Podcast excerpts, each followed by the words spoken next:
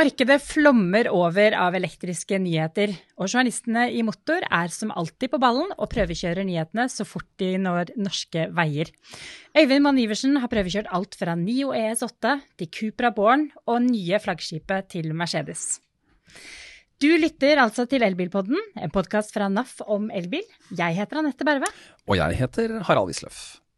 Ja, og vi har jo selvfølgelig Øyvind her da, med, med oss i studio eh, atter en gang for å fortelle om nyhetene du som de fleste av oss kanskje bare har sett bilder av. Velkommen i studio igjen, Øyvind. Takk for det.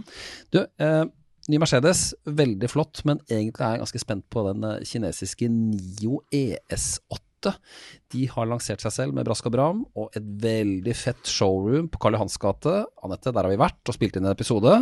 Det var veldig kult lokale.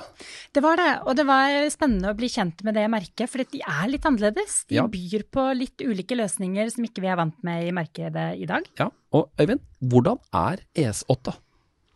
Ja, først og fremst er ES8 en stor, eh, kompakt eh, SUV med sju seter og firehjulsdrift. Det er på en måte det største fortrinnet til mange, flere av disse kinesiske bilene som kommer på markedet nå. Men sånn å kjøre og oppleve, så er det jo en bil med uh, si skyhøy komfort. Luftfjæringen er behagelig og flott, og støynivået er lavt, og du sitter høyt og lyst. Og du har panoramatak, og du har elektriske seter, selvfølgelig, og en sånn generell opplevelse av, av mye luksus. Så den innfrir på veldig mye av de grunnfunksjonene som veldig mange nord nordmenn etterlyser. Men så vet vi også at det er veldig mange som lurer på kvaliteten. Eh, fordi at kinesiske merker de har ikke vært på det norske markedet veldig lenge. Jeg tror veldig mange lurer på hvordan er faktisk kvaliteten. Eh, og hvordan opplever du da kvaliteten i, i ES8 Eh, med de timene du har tilbrakt eh, bak rattet? Altså vi, vi, som jobber med dette, vi bruker ofte det begrepet opplevd kvalitet. og Det er sånn man, eh, det man tar og føler på av brytere og materialer osv. Der er, jo, der er jo kineserne fullt på høyde med det i de såkalte premiemerkene, sånn de tyske statusmerkene som vi vanligvis forbinder med den type følelse. da, men så vil jo den reelle kvaliteten, altså hvordan disse bilene fungerer over tid, og om det er noen problemer med dem, noen barnesykdommer og me mekaniske sykdommer og den type ting, det vil jo, vil jo vise seg etter hvert. Men eh, førsteinntrykket som vi kan forholde oss til per i dag, er jo oppsiktsvekkende bra, vil jeg si. Og det, det er generelt for uh, ja, de fleste kinesiske bilene som har kommet. Men det vil jo kreve sitt. Altså, For noen år siden så ville vi aldri snakket om at det rullet en eneste kinesisk bil i Norge. Muligens noen kinesiske komponenter i en bil, men aldri en kinesisk bil. Eh, nå er dette snudd helt på hodet? Ja, det er snudd helt på hodet, og man må ta et oppgjør med sine egne fordommer og, og inngrodde oppfatninger om hvordan en bil skal være, og hva som er de, faktisk, de merkene du skal forholde deg til å, å kjøpe. og og, og, se etter. Det, altså Markedet snus i stor grad på hodet. og disse bilene er, altså Vi prøver å, å gå så objektivt til verks når vi kjører disse bilene som mulig. og, og det skal fryktelig mye til for å kunne, ved en blindtest, som de da ikke anbefaler når man kjører bil, men, men likevel. det å man kan ikke ved en blindtest skille en, en, en Nio ES8 fra en eh, Mercedes EQC, for å ta en sånn relevant sammenligning. Da. Slik du ser det så langt, kineserne har gjort jobben sin for å kunne tørre å lansere seg selv i Europa? Absolutt, det vil jeg si. Mm. Men det er én ting som jeg er nødt til å spørre om. Eh, for jeg er nødt til å spørre om du deler denne oppfatningen. For jeg har fått noen timer bak ES8 selv. Og én ting som slår meg, det er at det er ufattelig mye lyder Mm. Eh, altså det er, varsellyder, det er varsellyder, spesielt ja. når du bruker førerstøttesystemene. Sånn adaptiv cruisekontroll og lane assist. Eh, Idet jeg da bytter fil, eh, så kommer det gjerne en sånn pling-plong, nå har du byttet fil. Eh, pling-plong, nå er systemet skrudd på igjen. Mm. Og det føler jeg ikke at jeg opplever i en Audi eller en Opel. Eh, deler du det inntrykket, eller sitter jeg og tenker på, eller klarer jeg å utløse et eller annet som du ikke utløser? Nei, jeg er helt enig. Det, det er masse lyder, og det er også, kanskje ikke i Nio, men i Bydtang f.eks., så er det også masse lys. Og slår du på varmeapparatet, skrur på uh, musikken eller sånn, så får du kriterier med farger og, dunk og lyder og alt som er. og i NIOES 8 så har du også en sånn slags, eller det er ikke en slags, men det er en stemmestyrerassistent som sitter som en liten ball på, på instrumentpanelet der og heter Nomi. En figur. En figur, ja, Ja. som følger med deg. Og hvis du da stikker fingeren ned på Jeg skal hente kaffekoppen ned i midtkonsollen, så, så bøyer Nomi seg ned og ser på fingeren din. Samtidig som den har en sånn liten sånn skrapelyd som viser at den beveger på seg. Og Går det en inn av motsatt eh, dør, så, så snur Nomi seg mot den passasjeren som kommer inn, med en liten sånn skrapelyd, så selv der får du lydene. Og den følger med på deg absolutt hele tiden med øynene og viser at du skal ta en kaffekopp når du har kjørt eh, litt vinglete, eller ta på deg sikkerhetsbeltene hvis du har glemt det. Og, så det er, det er veldig sjarmerende i Jeg syns det var sjarmerende i kanskje fem minutter. Også, og her, ja, for her, her er det litt forskjellene på kineserne og, og europeerne. Det, for sånne, sånne dingser er vi jo vant til fra Kina. Altså, Og så kan man jo si hva man vil om uh, hva denne figuren på dashbordet egentlig samler av data. mm, Det vet vi jo ikke. nei. Nei, og så tenker jeg sånn, Mye av stemmestyring har jeg sansen for. Eh, fordi at stemmestyring, når det fungerer, så gjør det egentlig hele kjøreopplevelsen mer trafikksikker. Du kan be om å stille inn temperaturen på riktig nivå, du kan finne eh, nærmeste ladestasjon, eh, navigere. Altså, jeg syns det er veldig greit å bruke stemmestyring. Men eh, stemmestyringen i, i NIO spesielt var ikke helt eh, på det nivået som jeg hadde forventet helt ennå. Eh, jeg sto ved en ladestasjon og tenkte nå skal jeg søke etter hvor er nærmeste ladestasjon. Da sa den det er en godt bevart hemmelighet. Nettopp. Se her, ja. Kanskje det er noe som går ned til Kina likevel. Um, Så stemmestyring er jo genialt i utgangspunktet, for det er veldig trafikksikkert. Og når, når det fungerer, så kan du bare sitte og følge med på veien og gi, gi kommandoer. Men uh, så lenge eh, stemmestyrerassistenten ikke kan norsk, og du ikke kan holde en dialog gående, så mister litt av funksjonen. fordelen er jo at dette kan software-oppgraderes, heldigvis. Men nå er det altså da tre kinesiske merker på markedet i Norge. Vi har Nio, som vi har snakket om nå, og ES8, de har flere modeller.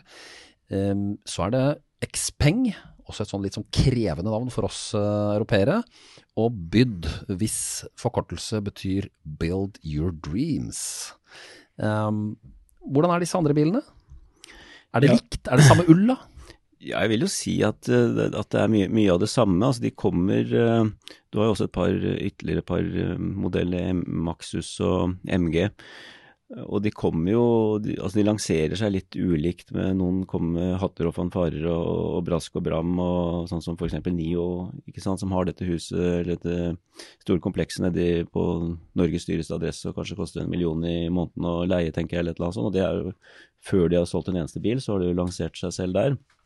Så det er forskjell på det, men, men, men generelt så er jo dette her biler som altså Kineserne vet jo at skal de overleve på et krevende marked, så må de levere fra, fra dag én, og det gjør de jo.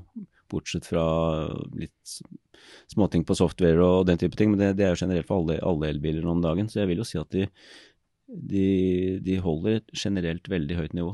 Nå er ikke du testpersonen, jeg må bare spørre spørsmål, siden jeg er 1,94, og dette no offense til kineserne også, men de er antageligvis snitthøyden er lavere enn mine 1,94. Er dette tatt hensyn til, tror du? Ja, og jeg på 1,70 fungerer veldig fint. Jeg tror du må ta med deg Harald ut på tur, Jeg har bare ikke målestokken Nei, der. jeg tror. Nei, men det er altså For å svare litt seriøst på det, da, så er noen av, en av ulempene ved Nion syns jeg er faktisk setene. Det er ikke ofte jeg reagerer på setene, for det er ganske, ganske liten og lett å sitte stort sett godt overalt. Men litt manglende setejustering, syns jeg. Litt lang sittepute eller litt for kort. Øh, Og du ville antagelig hatt problemer med å skyve setet langt nok bak, Harald. Nettopp, akkurat. Kanskje grunnen til at det er noen hardware-oppgraderinger også, da, etter hvert hvis, eh, hvis høyden er for lav. Men du var jo inne på, på Byd Tang også. Eh, for Nio eh, legger seg litt i premiumsegmentet. Det har jo Byd Tang også gjort med, med prislapp og, og det som følger med. Hvor, eh, hvordan er Byd Tang sammenlignet med Nio ES8? Ja, er, I utgangspunktet er de jo ganske like, med, med firehjulsdrift og sjuseter som eh, på en måte store salgsargumentet der. Og så er jo også Byd Tang i likhet med Nio veldig godt utstyrt i sin grunnversjon. Forskjellen er vel egentlig at, eh, at, Nio, nei, at Byd har en vesentlig dårligere rekkevidde, kanskje opp i praksis 7-8 mil, som, som kan ganske, vare ganske mye på en hverdag. Og det har sannsynligvis mye med de store hjulene for eksempel å gjøre, at den kommer med 21 tommers hjul, og hadde den gått ned til 18-19 som også hadde sett greit ut, så hadde den kanskje fått 4-5 mil bare, bare av det. Men teknisk sett og sånn rekkevidde og, og lading og batterikapasitet og kjøreopplevelse og utstyr og de, de, de tingene der, det, det er de, de to modellene ganske like, har inntrykk av.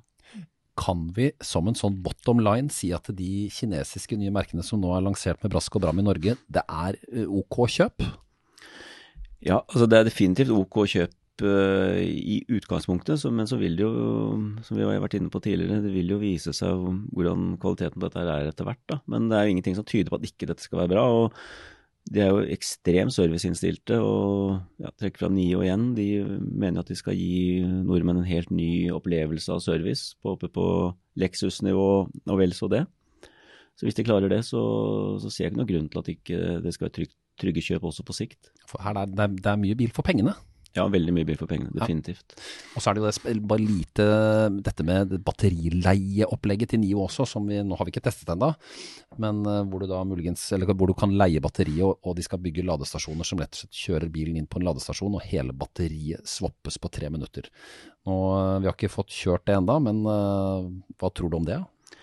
Det er veldig spennende, og det er en stor, stor investering. og De må jo selge biler for å kunne la, at dette skulle fungere på sikt. Men uh, nå kommer jo den første swap-stasjonen kommer jo på Lier nå i ja, de bygger det i disse dager. Og første batteribyttene kan gjøres i midten av desember. Så det blir spennende å teste hvordan det fungerer. Spennende. Mm. Ja, jeg, er, eh, jeg, føler at det er en del liksom, rundt det praktiske rundt batteribytte. Eh, og spesielt dette å bytte mellom ulike batteripakker. Eh, det å ha en eh, større batteripakke før sommeren, eh, i hverdagen kanskje klare deg med 75 kWh batteriet. Eh, hvordan det faktisk kommer til å fungere i praksis, kommer alle, hvis alle vil ha 100 kWh batteriet før sommeren, kommer alle til å få tilgang på det? Eller må du booke det på forhånd? Det er liksom en del praktisk rundt uh, det batteribyttet som jeg tenker at jeg tror vi er nødt til å utforske litt mer, Harald. Ja, Veldig spennende. Og den som lurer mer om dette her, kan bare se på en eldre episode da vi var hos NIO og fikk den til å snakke om akkurat dette her. Mm. Men det er jo kommet enormt mange elektriske modeller på markedet bare i år. Eh, vi har jo bare så vidt begynt å sveipe innom noen av de du har prøvekjørt i det siste. Har du talt opp hvor mange nye modeller som faktisk har kommet i år? Det har jeg gjort. Jeg har gjort et forsøk på det i hvert fall. Og jeg kom fram til, hvis vi holder oss til personbiler, sånn som vi definerer personbiler, plass til flere enn oss tre, så er det, kom jeg fram til 27. 27 bilmodeller. Ja. Mm, det er ikke tatt med disse litt ombygde varebilene med plass til 8-7, men det vil jo sikkert produsentene mene at det også bør regnes med blant nykommerne. Så da er vi langt over 30 og begynner å nærme oss 40. Det er mange, altså. Det er veldig mange biler. Og da er det jo samtidig så har det eh, nesten ikke blitt sluppet ut noen eh, bensin- eller rene bensin- eller dieselbiler på det norske markedet.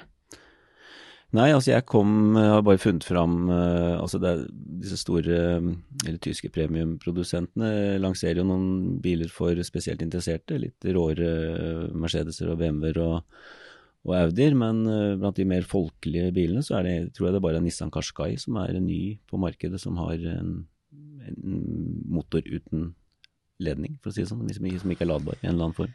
Hva sier egentlig det, da, om, uh, om utviklingen? Det sier jo noe, først og fremst noe om hvor uh, sære vi er her i Norge. For det er jo ikke, det er, det er ikke sånn internasjonalt, men vi, vi, har dratt i gang en utvikling. og de andre landene kommer etter, men vi er jo fryktelig tidlig ute.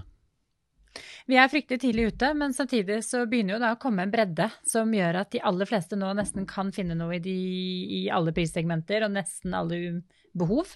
Eh, vi skal gå videre på neste modell som du har prøvekjørt, som jeg tror er en modell som er eh, en veldig mange har ventet på.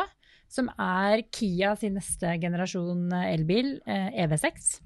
Vi kunne jo like gjerne snakket om Ioniq 5, Eh, som jo i og for seg er samme bil, bare litt eh, annen innpakning. Mm. Eh, hvordan vil du summere opp det Kia har fått til i EV6? Jeg, jeg, hvis jeg skal summere opp uh, elbilåret 2021, så vil jo nok den ligge helt på topp tre blant mine favoritter. Den gjør det, ja? Hvorfor det? Jeg synes den, For det første syns jeg den er veldig tiltalende utseendemessig. Jeg har jo sett bilder av den i forkant, og i virkeligheten så er den enda litt uh, mer sporty og fin og ligger, gjør seg virkelig godt i trafikken. Og den har fått noen lanseringsfarger som også er fine. og, det, det, er nå én ting, det visuelle, det, sånt, det blir jo veldig individuelt. Men det å å kjøre bilen var veldig positivt, det òg. Kia har jo ikke vært kjent for å lage spennende produkter. Det har vært sånn ja, tradisjonelle melk- og brødprodukter, på en måte. Men her har du en bil som både ser bra ut og som kjører bra. Litt mer sporty enn Ionic 5, som den jo da som du er inne på, deler de fleste komponenter med, men likevel så er det, så er det mer merkbar forskjell, og den har ikke de den har ikke de samme praktiske løsningene som Ioniq 5. Er mer, den er mer sånn førerorientert bil, litt mindre bagasjerom, litt mer tightere eller strammere design på, på instrumentpanelet. Du har ikke den skyvbare midtkonsollen. Du har litt, litt mer sånn sportsbilfølelse, litt mer cockpit-følelse. Litt mer minimalis litt minimalistisk og sånn sportsaktig orientert, er det vi kan si om EV6? Ja, jeg vil si det. Den er ja, en sånn fin blanding av uh, en familiebil som du likevel uh, Sjåføren kan gå ut og ta den ut en, en kveld og kjøre litt for seg sjøl og synes det er gøy, da. Og for ti år siden så var Kia egentlig, som du nevnte selv, melk og brødbiler og kanskje, kanskje kjedelige småbiler som eh, ikke hadde den helt store markedsandelen, mm. og billige. Ja. Nå er det noe helt annet. Nå er det noe helt annet, og Kia er jo en del av det store Hundai-konsernet som da Det er litt komplisert der, men Ioniq er jo da elbildivisjonen i det store Hyundai-konsernet, og Kia er også en del av det konsernet. og de, de satser jo monumentalt og voldsomt på elbiler. og har, Vi har sett en del bilder av konsepter som kommer derfra fra alle disse tre, tre merkene. og Det er virkelig spennende ting, og det viser seg at ferdige produkter ligner veldig på de konseptene vi ser. Så er, jeg mener jo faktisk at uh, tyngdepunktet i utviklingen av elbiler nå ligger i øyeblikket hos sørkoreanerne, sånn som jeg ser det. Mm. Ja, så må jeg si at det er spennende når vi går inn i uh, en sesong med litt kaldere temperaturer og mye, mye snø. Så har jo i hvert fall Kia og Hundai tidligere levert veldig bra på motor eh, og NAF sine rekkeviddetester. De har prestert godt også på vinterføre. Holdt, det er energieffektive biler som har holdt rekkevidden godt. Så jeg er veldig spent på om de fortsetter å levere på det nivået der. Mm. Da får man bare lese rekkevidde- og ladetestene våre på NAF.no. Finner dem alle sammen. Gjør det. Og annen, eh, et annet merke som også skal vise muskler innenfor elbiler, er jo Mercedes. De som har muskler fra før, og har hatt ja. det flere tiår. Nå skal det være enda mer. Og de har jo, altså, den rekka med modeller som skal komme fra Mercedes fremover, er jo utrolig imponerende. Eh, vi skal bare koke det ned til to modeller i dag. EQB og EQS. Eh, vi begynner med den folkelige EQS-en. ja, den folkelige til en million og pluss pluss. ja, for det, her snakker vi et teknologisk flaggskip. Mm.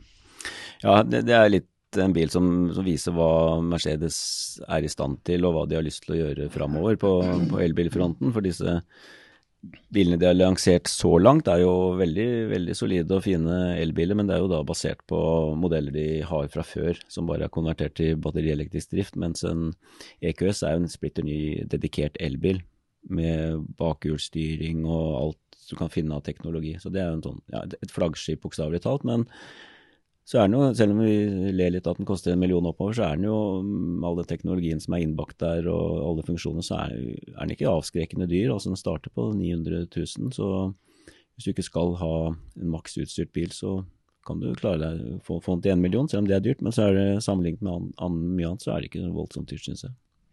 Ja, her også har de lyst til å vise seg fram rekkeviddemessig også. Ja, der har du den eh, bilen med bakhjulsdrift. Den har jo da rekkevidde på var det 750 km, tror jeg. Sånn. Og så firehjulsdrift, så er det Eller 785 var det vel, og så firehjulsdrift, så er det 675 eller noe sånt. Uten at jeg har detaljene, men det er, det er langt uansett, og du kommer deg du skal ha, trenger nok et par pitstopper innen den tid. Vi kommer til å slite den dagen den skal være med på en vinterrekkevinnetest. Jeg ser at det blir en tur, rundtur gang på gang i Gudbrandsdalen og Enabygdsfjellet. Så det kan bli en uh, strevsom sommertest for den som måtte ende opp med den bilen. Ja. Mens EQB er det litt mer praktiske alternativet. Eh, her snakker vi uh, syvseter, firehjulsdrift og bare generelt god plass, fornuftig penge. Ja, det er jo en elektrisk versjon av GLB som vi kjenner, kjenner, godt fra før. og Den er en kompakt eh, som du sier, en kompakt og veldig fleksibel bil. Først, eh, det er bare Tesla modell Y som kan, kan sammenlignes med den hvor du har da sju, sju seter og firehjulsdrift, men så er Teslaen litt, litt større. Men uh, personlig så har jeg aldri helt skjønt hvor, hva man skal med en sjuseter, men uh, så lenge det ikke er plass til bagasje og du sitter med hodet opp i bakruta, så syns jeg ikke det er helt ideelt. Men som en femseter kan en, en EQB fungerer veldig bra, hvor du har to, la oss si, to barn på andre seterad, og så har du ett barn på siste seterad, og så har du også plass til bagasje. Så som komfortabel femseter kan en sjuseter fungere bra. Ja, topp. Og så er det mange som husker Mercedes stasjonsvogner, gjerne med 3 liters Grom dieselmotor og automatkassa. Ikke sant? 300 TD, det var selve bilen sin, Øyvind, ikke sant? Mm, det det. Og, ja, og så var det selvfølgelig klassiske Mercedes Gelendewagen. Fortsatt karosseri som er tilnærmet likt som ved lanseringen i 1979. Jeg er sikker på at blinklyset fra en 1979-modell passer på en 2021-modell. Og så denne elektriske satsingen til Mercedes. Hva er det Mercedes vil, tror vi? Jeg tror vel at Mercedes, i likhet med en del andre produsenter, er litt ambivalente til, uh, til utviklingen. De ser hvilken retning utviklingen går, samtidig som de vet at, at det er bunnlinja som teller her, og det er uh, disse konvensjonelle bilene med, med, diesel og bensin som gir penger i kassa. Så de må jo balansere dette litt, utviklingen mot inntekter. Men det er ingen tvil om at de satser knallhardt på på el, batterieldrift, de også. Men uh, de skynder seg langsomt. Altså de Per dags dato så leverer de pålitelige biler, robuste, uten problemer og barnesykdommer av noe slag. Men de setter jo ingen standarder. De hever ikke lista i elbilklassen. Så de, ja, de holder, holder, litt, holder, litt, tilbake, virker det som. Stjerna fra Tyskland kan være litt forvirret og ambivalent. Jeg tror det. Ja. Da kan vi gå over til uh, en som uh, faktisk man kanskje sier setter en standard, uh, og det er Cupra Born. Så da har vi jo enda det, Da er det Cupra sin variant av ID3 som nå er klar for det norske markedet. Som blir vesentlig rimeligere og mer sporty. Ja, vi satt jo her for et halvannet år siden og ventet på Volkswagen ID3, altså Volkswagens første skikkelig elbil. og den kom jo, det var jo i utgangspunktet en eh, veldig fin bil, men uh, som flere av oss bemerket, så var den uh, dyr. Og den hadde jo en del barnesykdommer, som et par av dem var jo da var jo varslet i og med at uh, en kjøper måtte underskrive på at her var det oppgraderinger som skulle komme etter hvert, og man kunne beregne en del startproblemer og sånn software og den type ting. Men så kom det jo i tillegg en del andre plager som ikke var forventet, da. Så den bilen fikk en litt sånn tung start, men uh, nå kommer jo Cupra Born da med disse oppgraderingene som ID etter hvert har fått, pluss at uh, prisen har gått ned nesten 100 000.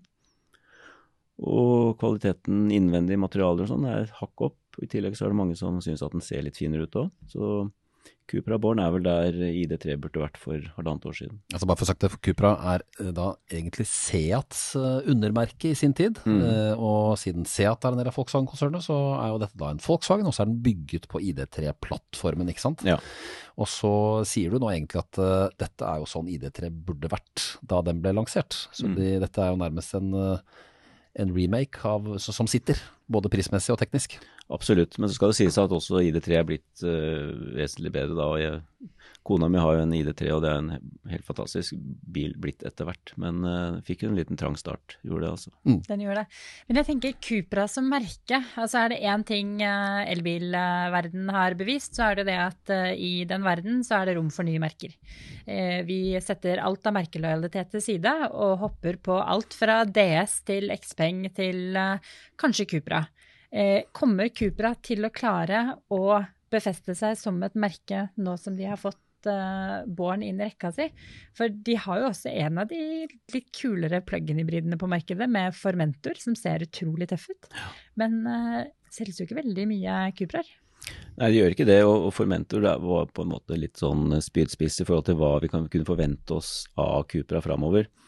Så det er jo Born som er den bilen Cupra nå satser, satser hardt på. og og de har en slags, ja, de har en forretningsfilosofi om at de, skal, uh, at de, at de kun skal selge biler på nett, og de skal levere bilene til deg på, på døra. Så Sånn sett så kan det jo være noen begrensninger på, på en del av kundemassen der, men jeg tror nok at uh, interessen for Cooper Aborn vil bli så stor at du vil alltid vil ha en mulighet til å se den bilen og prøve den bilen før du eventuelt får den hjem til deg på døra. Spennende. Det er det. Eh, det store spørsmålet er jo kommer Cupra Born til å bli preget av den, eh, denne halvledermangelen, den datachip-mangelen som vi ser preger bilbransjen nå. For vi leser jo om at stadig nye modeller eh, blir utsatt, leveres med eh, mangler. Alt fra navigasjonssystem som ikke er med, til induksjonsladere. Eh, blir den også preget av det? Hva er, liksom, er ståa på den halvledermangelen nå? Jeg har inntrykk av at eh, den eh, rammer mer eller mindre alle store bilprodusenter over hele verden. Men eh, vi hører jo mest om Volkswagen-konsernet, og da inkludert da Cupra, i og med at de er de største, og, og tallene blir så svimlende når man ja, ser hva, hvor mange antall biler og hvor mange produksjons... Eller hvor lavt det produksjonstallet blir etter hvert bare pga. skipsmangelen. da. Så Volkswagen er kanskje de som, som rammes hardest, men ja, generelt vil jeg si at det, det, rammer jo alle, virker det som. Ja, dette er jo et problem altså med få eh, fabrikker som lager spesielle komponenter som sitter i alt fra vaskemaskiner til biler og datamaskiner. Og så har det vært en brann, og så har det vært eh, korona, og så sitter man altså med en enorm backlog på noe som folk vil tenke at er en idiotisk liten brikke som skal sitte et eller annet sted inni elektronikken i bilen. Men det ender jo da med at kunden i Harstad ikke får bilen sin fordi man klarer ikke å produsere mm. brikken som man må ha i bilen for å ferdigstille den. Ja, det var ikke så mange år tilbake i tid før eh, kanskje 10-15% av en bil var inneholdt disse, denne teknologien som vi i dag snakker om. I dag er det nærmere 50 mm. Så det sier hvor, hvordan endringen har Bilene er en rullende datamaskin, rett og slett. Mm. Ja, Spørsmålet blir jo litt fremover hvor, hvordan er det de kommer til å løse det ved å rulle ut biler som kanskje ikke er helt ferdig, men som har liksom klargjort systemene? Eh, og så må du komme tilbake for en, eh, for en oppdatering for å få implementert det du kanskje mest sannsynligvis har betalt for? Ja, dette her blir en uh, spennende tvist. Altså. Her ser jeg at jeg ser i etasjene under her fra studio at NAF advokat antageligvis kommer til å få litt å gjøre fremover. kan hende det. Med medlemmer som ikke får bilene sine og har blitt lovet dem i tide. Jeg tenker at uh, dette var en flott uh, status, jeg. Ja. Vi har vært innom uh, kinesiske bilmerker, som Øyvind og Anette har prøvd. Og vi har vært innom en tysk slegge også, som er litt forvirret i hodet sitt akkurat nå, men som kommer med gode, gode ting. Og at vi rett og slett er litt på etterskudd med brikker som forsinker bilen, altså. Så er jo det det store spørsmålet også, Øyvind. Hva er neste bil som står ute for prøvekjøring? Ja, den som står ute og venter på meg, det er vel en Mercedes EQS, hvis jeg ikke husker helt feil. Se der, du. Da tenker jeg vi har noe å gjøre etter er. Det høres ut som en god dag. hardt, hardt liv, dette. Veldig god dag. Flott uh, oppsummering, elektriske nyheter. Tusen takk, Øyvind. Og vi kommer selvfølgelig tilbake til alle dere i motor uh, ved en annen anledning. Um, og du kan lese om nyhetene på motor.no, selvfølgelig. Og sjekk også elbilguiden på naf.no for teknisk opplysning og resultatet av testene vi har gjort under norske forhold. Mange av bilene, og det er ny test i eh, januar, som Anette nå vet jeg sliter masse med å få satt sydd sammen. Husk at du kan abonnere på Elbilpodden og i alle kjente podkaster på Spotify og YouTube, og bare søk etter Elbilpodden. Og eh, du kan lese mer om elbil på naf.no. og følg oss på Instagram og Facebook. Der finner du NAF elbil. Og husk at uh, NAF har både ladebrikke og god rabatt på hurtiglading, ved siden av alle andre gode fordeler. Vi ses og høres igjen om 14 dager her i Elbilpodden. Ha det bra så lenge. Ha det godt.